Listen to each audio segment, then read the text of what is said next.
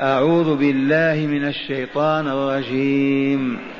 حرمت عليكم أمهاتكم وبناتكم وأخواتكم وعماتكم وخالاتكم وبنات الأخ وبنات الأخت وأمهاتكم اللاتي أرضعنكم وأخواتكم من الرضاعة وأمهات نسائكم وربائبكم اللاتي في حجوركم من نسائكم اللائي دخلتم بهن فإن لم تكونوا دخلتم بهن فلا جناح عليكم وحلائل أبنائكم الذين من أصلابكم وأن تجمعوا بين الأختين إلا ما قد سلف إن الله كان غفورا رحيما.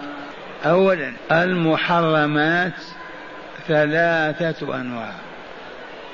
أولا محرمات النسب والثاني محرمات الرضاعة والثالث محرمات المصاهرة.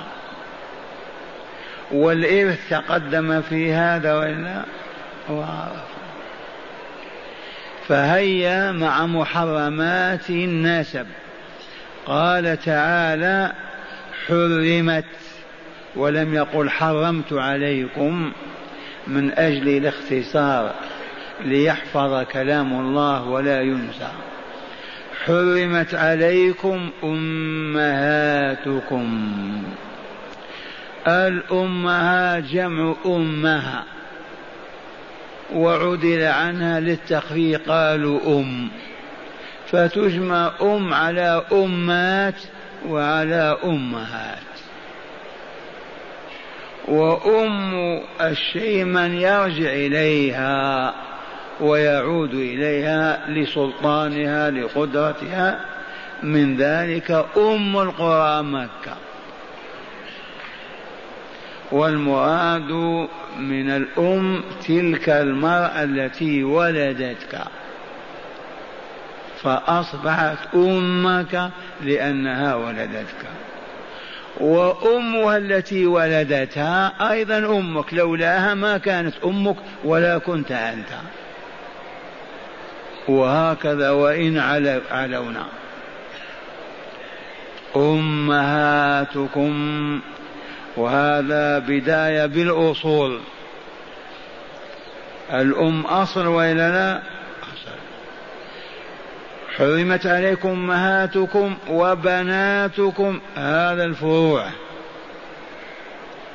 لا أصول أيضا سفلية.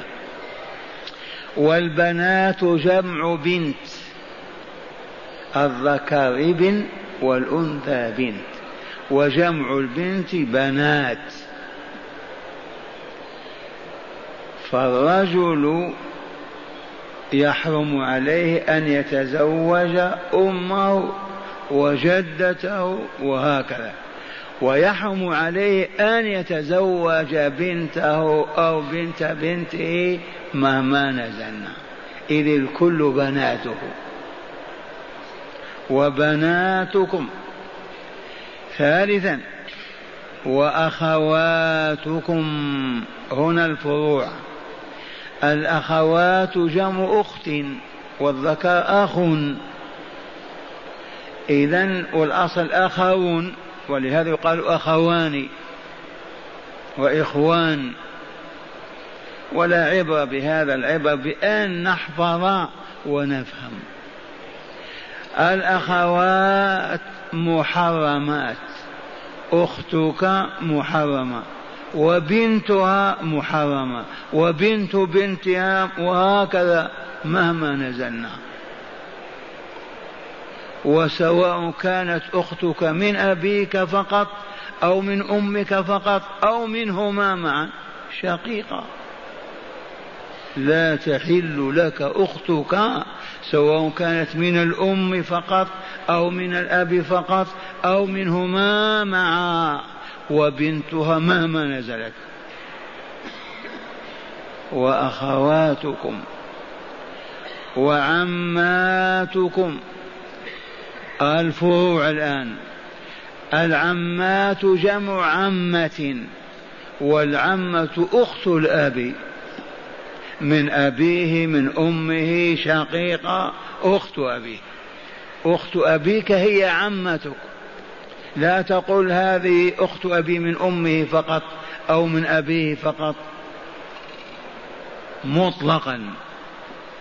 العمات جمع عمة أخت الأب من الأم من الأب منهما معا. هل بنت العمة تحرم على عمات جم عمة تحرم عليك عمته بنتها لا تحرم. بالإجماع. وخالاتكم جمع خالة وهي أخت الأم. بنتها بنت خالتك ليست محرمة وإنما هي الخالة نفسها محرمة. سواء خالة من أب أو من أم أو منهما معا. النسبة موجودة مرتبطة بأمك. من أبيها من أمها منهما معا وبنات الأخ بنت أخيك. لك أخ تزوج أنجب بنتا أنت تعتبر ماذا؟ عمها. فلا يصح للمرء أن يتزوج ابنة أخيه لأنه عمها. كالعم لا يجوز أن يتزوجها. فلا يتزوج إذن بنت الأخ بنت الأخ. وبنات الأخ وبنات الأخت. أختك زليقة تزوجت ولها بنت اسمها عفريتة. هل يجوز أن تتزوجها؟ الجواب لا. لأنها بنت أختك. الآن هؤلاء سبعة. حرمنا بالنسب. أولا ماذا؟ أمهاتكم ثانيا بناتكم ثالثا أخواتكم رابعا عماتكم خامسا خالاتكم سادسا بنات الأخ سابعا بنات الأخت. هؤلاء المحرمات بالنسب لا بالمصاهرة ولا بالرضاعة. محرمات بالنسب سلسلة الظهر وفقراته لأنك تنسب إليهم وينسبون إليك. ثم سبعة سبعة أخر محرمات بالرضاعة إليكموها. قال تعالى وأمهاتكم اللاتي أرضعنكم. فمن أرضعته امرأة. وكان الرضاع خمس رضعات لا يحل له أن يتزوجها أمك. وهنا مسألة قد يستفيدها الفقهاء أو الأذكياء من أهل المجلس. اختلف من عهد الصحابة إلى الأئمة في عدد الرضعات المحرمة. فذهب مالك وأبو حنيفة رحمهم الله إلى أن الرضع الواحدة تحرم ورواية كذلك لأحمد رحمه الله. وهذا خلاف بين الأئمة سبقهم بين الصحابة. انتبهتم؟ قالوا العبرة بأن هذا اللبن يتكون منه هذا الجسم. ويصبح من دمه ولحمه. لكن عارض هذا حديث صحيح. لا تحرم الإملاج ولا الإملاجتان. وفي لفظ لا المص ولا المصتان والقضية سهلة لأن أملج أدخل في فمه ما حصل شيء. امتص قليلا ما وصلت إلى حلقه. بخلاف رضع تغذى شبع. أما الإملاج إدخال حلمة الضرع في الفم ومص يمتصها ما تكون شيء. ما يتغذى. أليس كذلك؟ والمسلك الذي ينبغي أن نسلكه إن وفقنا الله هو ما يلي. وهو الجمع بين هذه المذاهب حتى لا تتعصب لمذهب. العبرة بأن يطاع الله ورسوله. فنقول إذا رضع الرضيع وتغذى باللبن وشبع مرة مرتين ثلاثة أربعة خمسة فهو ابن هذه الموضع ولزوجها. تبهتم؟ ثم إن جاءنا من يقول إن ولدي رضع من امرأة رضعتين أو ثلاثة فقط أو مرة واحدة. نسأل. هل يريد أن يتزوج ابنتها أو تزوجها؟ فإن قال يريد أن نزوجه إياه نقول لا لا. لا تزوجها. دع ما يريبك إلى ما يريبك. كلمة الهادي صلى الله عليه وسلم. دع ما يريبك إلى ما لا يريبك. وإن قال يا شيخ تزوجت ولها أولاد. مع نقول كم رفع قال مرتين أو ثلاث نقول لا بأس. أبقي على هذا الزواج ولا حرج. هذا المسلك من خير المسالك. لكن يحرمه المتمذهبون. الذي لا يرى إلا مذهبه. انتبهتم؟ ما يستطيع أبدا أن يقول هذا. إن كان ممن يمنع منع وإن كان ممن يجيز أجاز. أقول يقول الله تبارك وتعالى وأمهاتكم اللاتي أرضعنكم. كذا ولا لا كم الرضاع ما هو رضاع معروف أن يمتص الغلام وهو في سن رضاع لم يبلغ العامين فهذا الرضاع يجعله ابنا لهذه المرأة وابنا لزوجها لأن اللبن له. بجماع تكون هذا الحليب. وإلا لا. الماء إذا ما تزوجت فيها لبن؟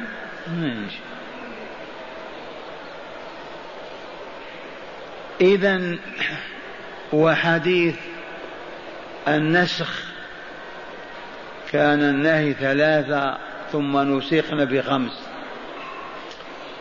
من الجانب من يؤيد ومن جانب من لا يؤيد. تبهتم وكما علمتم. بالنسبة إلى المذاهب الأربعة مذاهب أهل السنة والجماعة ما وراءها لا نلتفت إليه. ما هم بأهل لهداية الله وقد شقوا عصا الطاعة للمسلمين نقول ما دام من يقول لا يحرم من الرضاع إلا خمس رضعات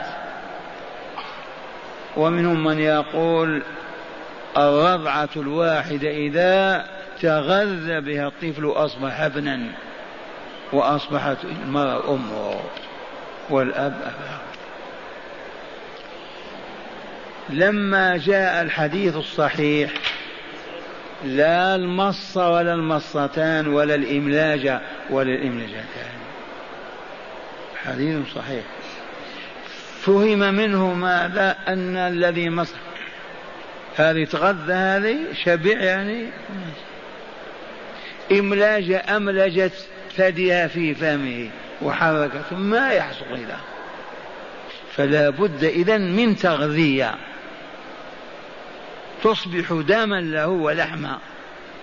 فيصبح ابنا حقيقة. إذا فما المخرج؟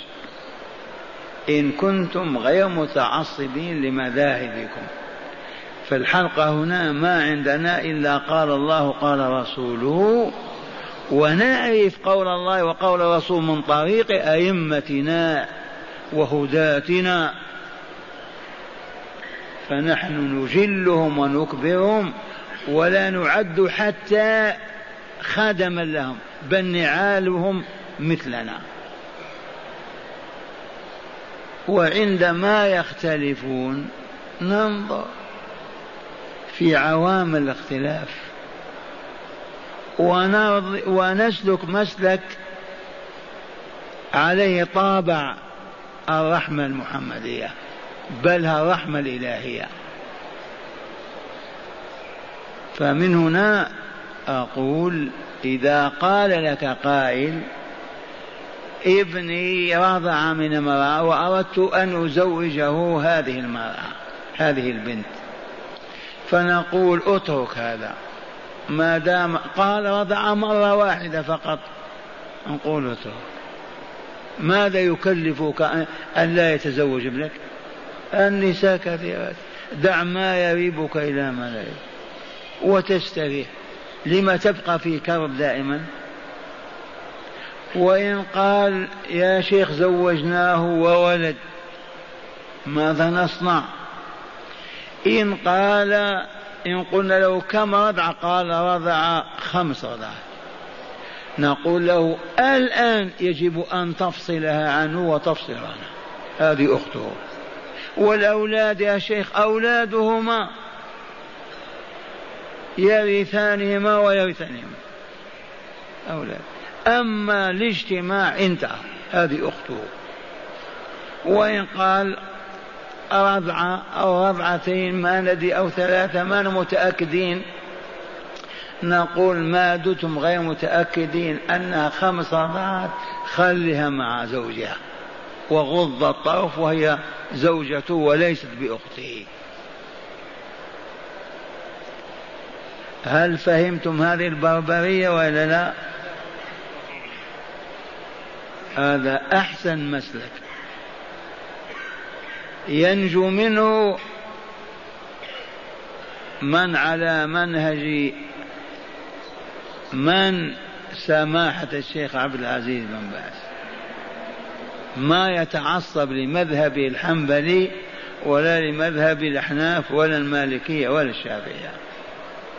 وإنما يبحث عما يرضي الله تعالى ويوافق منهج رسوله صلى الله عليه وسلم.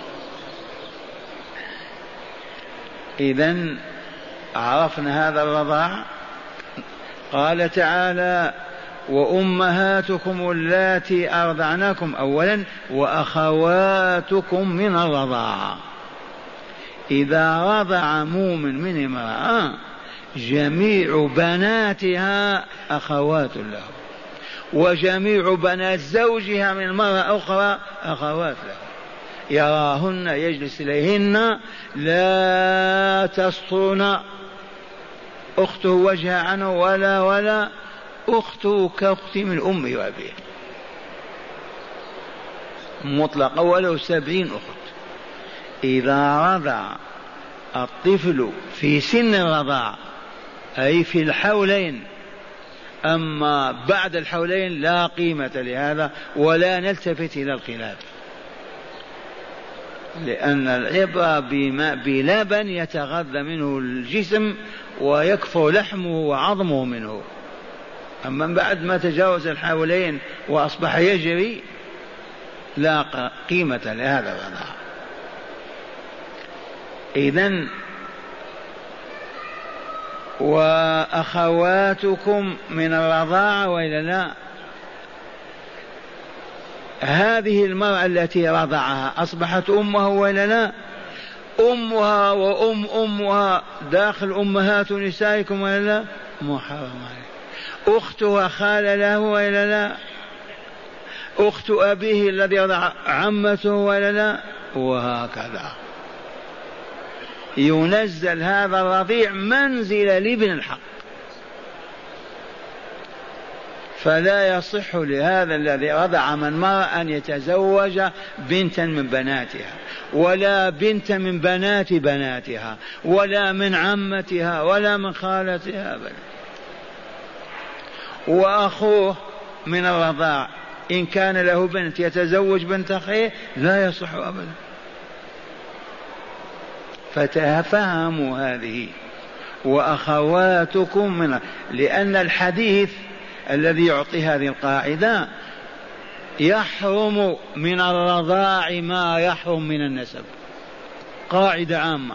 كل ما حرم بالنسب يحرم بالرضاع.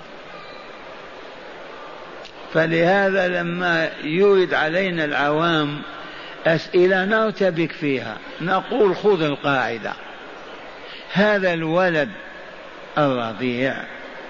أعطيه حكم الولد من من النسب. لا يحل لهذا الرضيع أن يتزوج أخته من الرضاعة ولا بنت أخيه من الرضاعة ولا أخت أبيه من الرضاعة ولا أخت أمه من الرضاعة كالابن الأصل. كذا ولا لا؟ والذي ما رضع لا علاقة له بهذا. تأملوا هذه. الذي رضع من امرأة. تبهتم بنتا كان أو ابنا. جميع بناتها وبنات أبي زوجها من مرأة أخرى أخوات له. كذا ولا لا لأنها أم كالأم الأصلية. جميع بناتها جميع أخواتها جميع عماتها لا يحل له. يحرم من الرضاع ما يحرم من النسب. والآية سواء بسواء. الأخ الذي ما رضع ما شأن ابنان هذا رضع من هذه المرة هذا لم يرضع. كذا ولا لا هذا الذي رضع لا يحل أن يتزوج من أم التي رضع ولا من نساء أبيه ولا ولا. وهذا الذي ما رضع لا علاقة له. يتزوج أخت أخيه من الرضاع. ما هو من نسب. إذا فهن سبعة ولا لا. كالنسب سبعة كذلك الرضاع سبعة. وأمهاتكم اللاتي أرضعنكم وأخواتكم من الرضاعة ثم بعد الم... بعد النسب والرضاع المصاهرة. قال تعالى وأمهات نسائكم. أي ومما حرم الله عليكم أمهات نسائكم. فلا يصح أبدا لمؤمن تزوج معه أن يتزوج أمها أو جدتها. أبدا. لماذا؟ العليم الحكيم هو الذي منع. لما يترتب عليه من القطيعة والشر والفساد ما لا يخطر بالبال. يجب أن نوقن أن ما حرمه الله لن يخلو من أذى وضرر أبدا. ما يرضاه الله لأوليائه. ومن هنا من اعتدى وتعدى هذه الحدود تمزق وتلاشى وهلك. إما لجهله فارتكب وإلا لتمرده فارتكب. أضرب لكم مثلا طبيب يقدم دواء. تباتم؟ وأنت تعلم أنه طبيب. هل ترى أن هذا الدواء يضرك وهو يريد نفعك؟ الجواب. منعك من أكل كذا أو شرب كذا. هل تراه أراد النكاية بك وتعذيبك؟ بل أراد نفعك. لاعتقادك أنه عليم وحكيم يضع الشيء في موضعه. فكيف الطبيب قد يمكر وإلا لا؟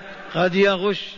لكن الله العليم الحكيم الرؤوف الرحيم وهو يشرع لعباده وأوليائه مستحيل أن يشرع لهم ما يضرهم. أبدا. أو يحرم عليهم ما ينفعهم. والله ما كان ولن يكون.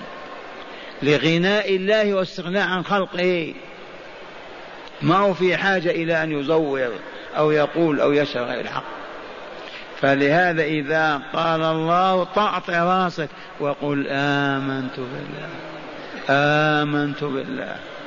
قلت هذا حتى لا تسألوا عن الأسباب التي جعل الله يحرم بها هذه. قال وأمهاتكم اللاتي أرضعنكم وأخواتكم من الرضاعة ثانيا وأمهات نسائكم. أم امرأتك كجدتها لا تحل. وربائبكم اللاتي في حجوركم من نسائكم اللاتي دخلتم بهن فإن لم تكونوا دخلتم بهن فلا جناح عليكم. مسألة بعينها. ما هي؟ ربيبتك وهي بنت زوجتك. كانت زوجتك تربها وإلا لا؟ وأنت أيضا تزوج وتربها وتربيها. هذه الربيبة وهي بنت الزوجة. مرأة تزوجت ومات زوجها وعندها بنت. وإلا لا وكبرت وأصبحت أهل الزواج. فإذا تزوجت أمها هل يجوز أن تتزوج هذه البنت بعد ما تموت أمها أو بعد ما تطلقها؟ الجواب لا. هذه بنت زوجتك كبنتك فكيف تتزوجها؟ وربائبكم جمع ربيبة اللاتي في حجوركم. هذا القيد ما هو بشرط. تباتم قد تتربى لربيبة عند أبيها هي مطلقة أم من عشرين سنة. تباتم ليست شرطا أن تكون متربية في حجرك أنت. تزوجت أمه وهي صغيرة بنت عامين ثلاثة أربعة وتربت بلغت الخامسة عشرة في حجرك. هذا القيد لا. وربائبكم اللاتي في حجوركم من نسائكم اللاتي دخلتم بهن. والدخول هنا ألوطء. الدخول هنا عليها في فراشها في غرفتها. لكن القرآن لسمو معانيه وكرامته ما يعبر بعبارة قد يستحي الأب أن يقولها بين يدي أولاده. قال اللاتي دخلتم بهن هذه امرأة وهذه بنتها. تزوجت أنت الأم وإلا لا هل يجوز أن تتزوج البنت؟ وإن أنت عقدت على أمها فقط ما دخلت. ثم عدلت عنها لكبار سنها وأردت أن تتزوج, تتزوج ابنتها. يجوز ولا يجوز؟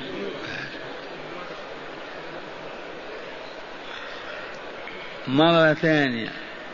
امرأة حسناء خاطبتها وتزوجت بها ثم تبين لك أن لها بنتا في الخامسة عشر أو العشرين من عمرها. قلت إن نطلق أمها ونتزوجها أو ماتت أمها. هل يجوز أن تتزوج الربيبة هذه؟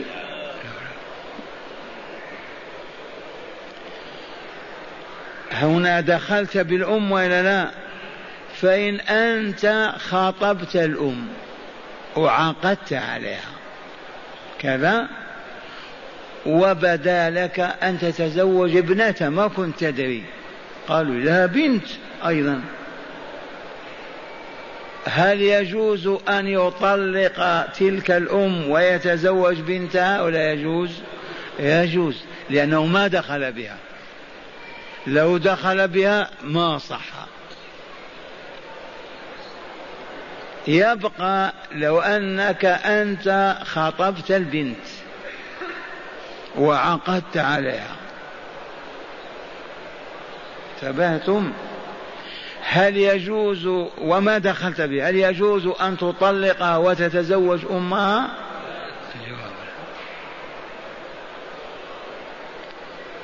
لما لأن الأم مرة ثانية. تاملوا أنت خطبت البنت وأمها موجودة وعقدت عليها ولم تبني. هل يجوز أن تطلقها وتتزوج أمها؟ الجواب لا. ما بنيت بالبنت؟ قال وإن لم تبني بها. لأن الأم لا تكرب ولا تحزن إن أنت تزوجت ابنتها. خاطبت الأم ثبات ولا لا؟ وما عقدت عليها.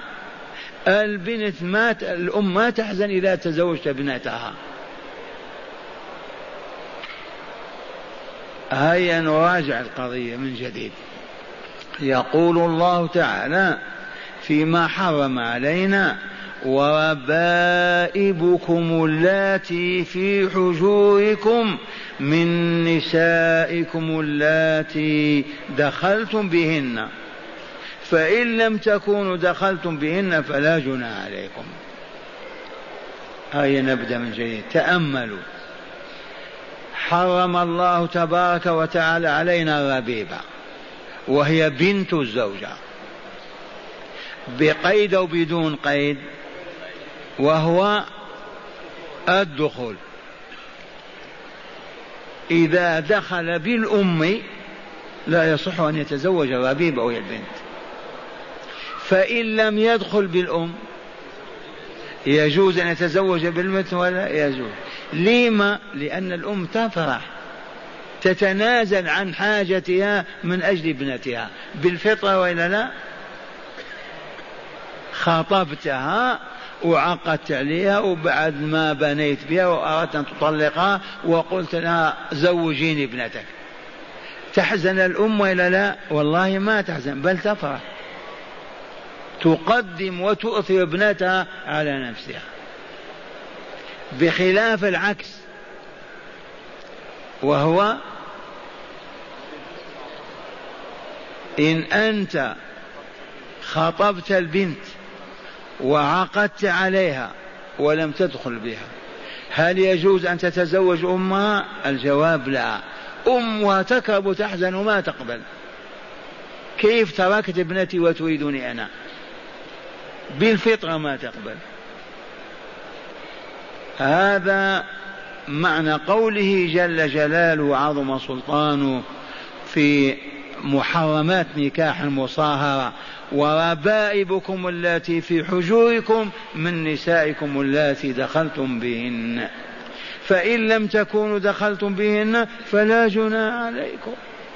ثانيا وحلائل أبنائكم الذين من أصلابكم. الحلائل جمع حليلة. الحليلة من هي هذه؟ بنت من؟ زوجة لبن.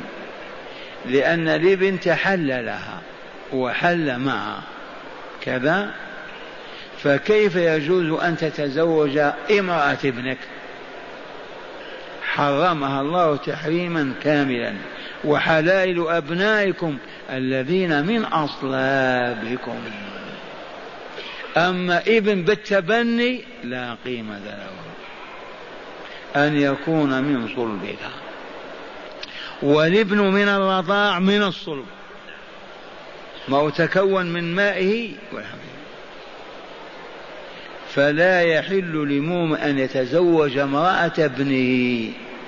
عرفتم؟ لقوله تعالى فيما حرم وحلائل أبنائكم الذين من أصلابكم. إذا كان ليس من صلبه بالتبني فقط ما يمنع ما هو بابن له وهنا مسألة عويصة.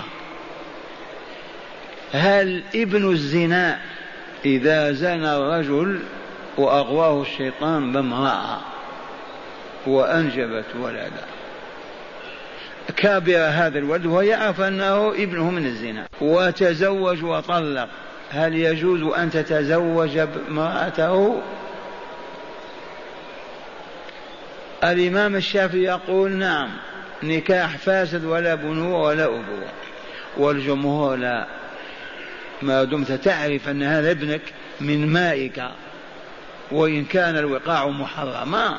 فهو ابنك ولا تتزوج ابنته لأنه من صلبك.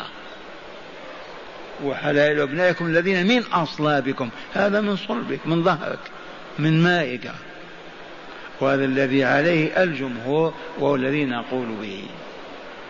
لأن كلمة من أصلابكم ما يدخل في هذا؟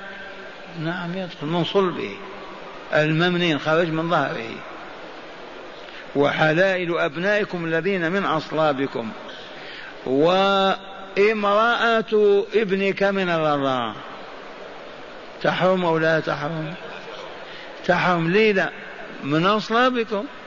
كيف أصبح ابنك؟ لأنه شرب من اللبن ولا الذي تكون بك أنت ومنك. ابنك من الرضاع ابن مرأته تعتبر محرمة عليك كابنة كامرأة ابنك من النسب سواء بسواء.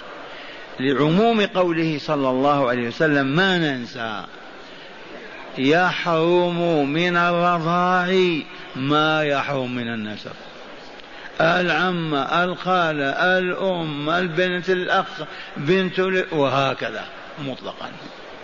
مرت الابن كذلك مرت الابن من الرضاع محرمة وحلائل أبنائكم الذين من أصلابكم.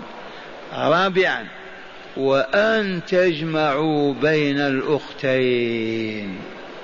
أي تتزوج زليخة وتضيف إليها هندية وهي أختها إما من أبيها أو من أمها أو شقيقة مطلقا. فتجمع بينهما في وقت واحد. هذا لا يحل.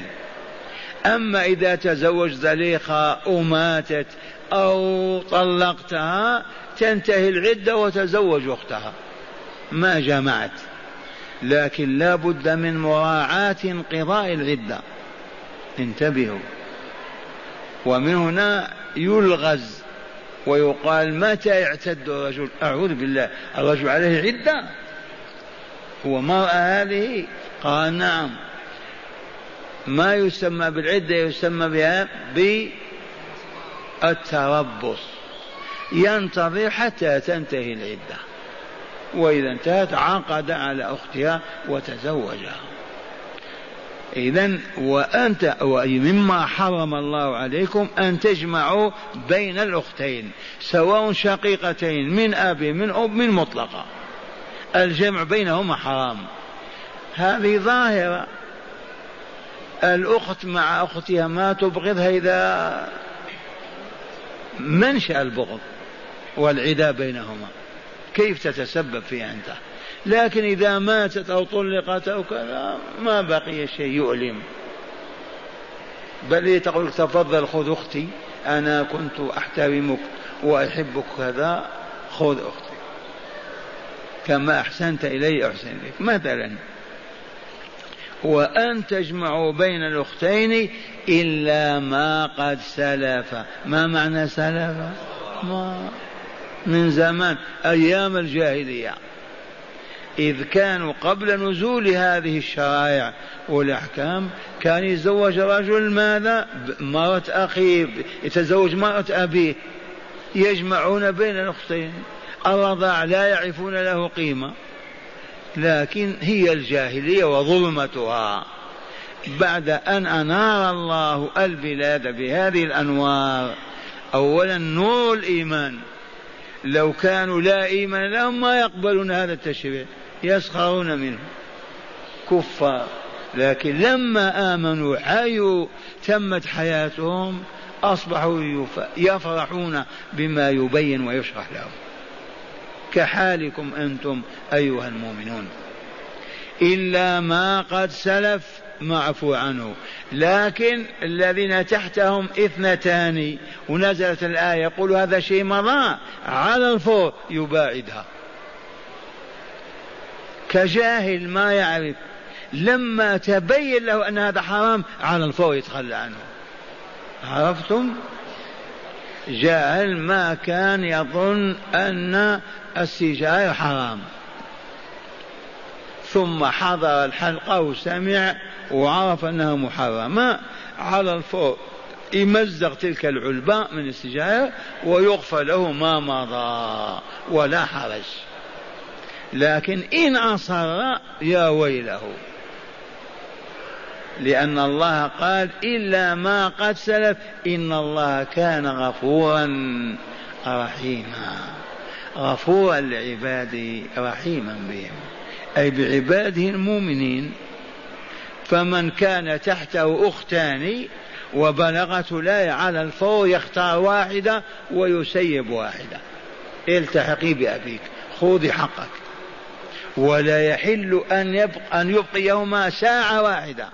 ما يقول حتى يطلع النهار بمجرد ما يبلغه الخبر يفارق. نعم. يقول زوجة ابن الربيب. إحنا تكلمنا على الربيبة تولنا أما الربيب أخو الزوجة يعني. أخو زوجتي. لا ابن زوجته ابن زوجته هذا لو كانت له زوجة ومات أو طلقها. يجوز أن يتزوجها زوج أمه؟ يجوز. ما هو بابنه. تعالى ذكر بائب النساء. ما له علاقة. إذا أسمعكم الآن تلاوة الآيتين أو الآية.